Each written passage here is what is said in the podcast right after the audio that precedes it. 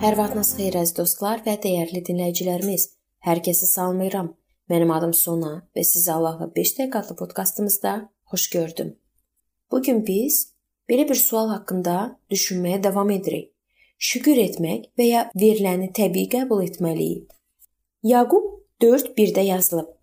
Aranızda dava və çəkişmələrin kökü haradandır?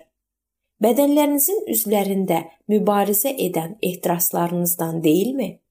Hamının ona borclu olduğunu düşünmək insanlara xas xüsusiyyətdir.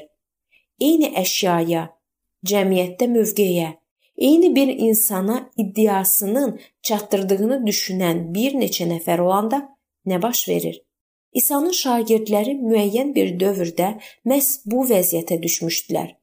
Onlar səmavi padşahlıqda yaxşı mövqeyə, İsa Məsihin yanındakı yerə iddialı idilər. Yaqub və Yəhya bu arzunu dilə gətirmək istəyəndə isə qalan 10 şagird narazılıq etdi. Bu Mark 10-cu fəsil 35-41-ci ayələrdə yazılıb. İsa onların ruhani ehtiyacını gördü və onların diqqətini şöhrətə və şərəfə can atmaqdan hamıya nökər olmağı dərk etməyə yönəltdi. Mark 10:44-də yazılıb: Aranızda birinci olmaq istəyən hamının qulu olsun. Pis padşah olan Axav Navodun qanuni mülkiyyətini, onun üzümlüyünü ələ keçirməyə haqqın çatdığını düşünürdü. Sonra Axavın əxlaqsız arvadı İzavel Navodu şərləyərək öldürtdürür. Davud padşah öz siyasi hakimiyyətindən sui-istifadə edib Batşeva ilə zina edir. O hesab edirdi ki, dostu Uriyanı sui-qəsd yolu ilə aradan götürüb arvadını ələ keçirə bilər. Allahın xeyir dualarına görə ona şükranlıqla dolu insanlar əlində olanları bölüşməyə hazır olurlar. Təkəbbürlü və nankor insanlar isə bir qayda olaraq güya özlərinə məxsus olan şeydən iki əlli yapışırlar. Xeyirxah Samariyalı haqqında hekayədə kahin və Levili quldur deyildilər. Lakin onlar yaralını görəndə yolun o biri tərəfinə keçməklə tam laqeydlik nümayiş etdirdilər. Ağılsız varlı adam məhsulu üçün böyük anbarlar tikdi və keyf içərisində olan bir həyat yaşamağa hazırlaşdı. Luka 12:16-21. O bunu haqqı və əziyyətinin bəhrəsi kimi görürdü. Əziyyət çəkmişəm və buna haqqım çatır. Bu mənimdir.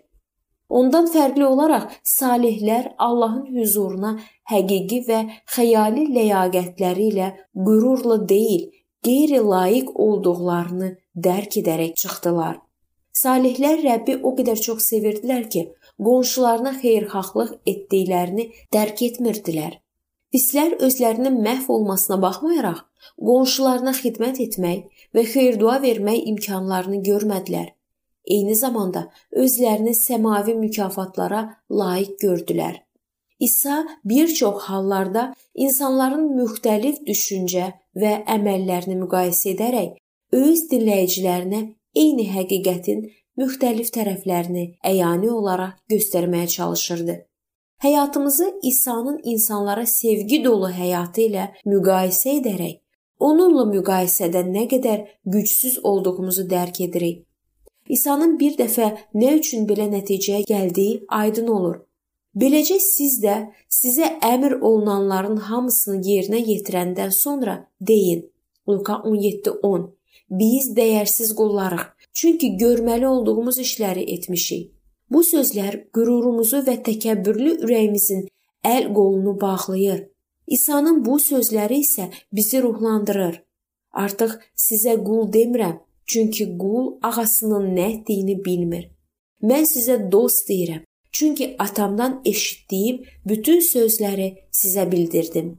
Yahya 15:15 Biz yalnız öz əhəmiyyətsizliyimizi və dəyərsiz qul statusumuzu dərk etdikdə dostumuz olmaq istəyən İsa'nın lütfünü həqiqətən qiymətləndirə bilərik.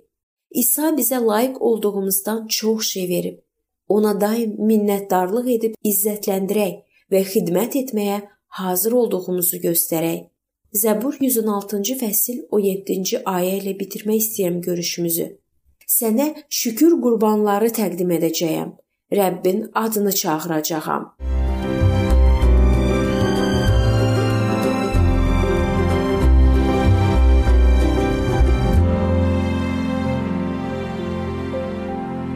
Beləliklə əziz dostlar, bu vacib mövzu burada sona çatdı. Hər zaman olduğu kimi sizi dəvət edirəm ki, bizim podkastlarımızı Facebook səhifəmizdən və YouTube kanalımızdan dinləməyə davam eləyəsiniz. İndi isə mən sizinlə sağollaşıram və növbəti görüşlərdə görmək ümidi ilə sağ olun, salamat qalın.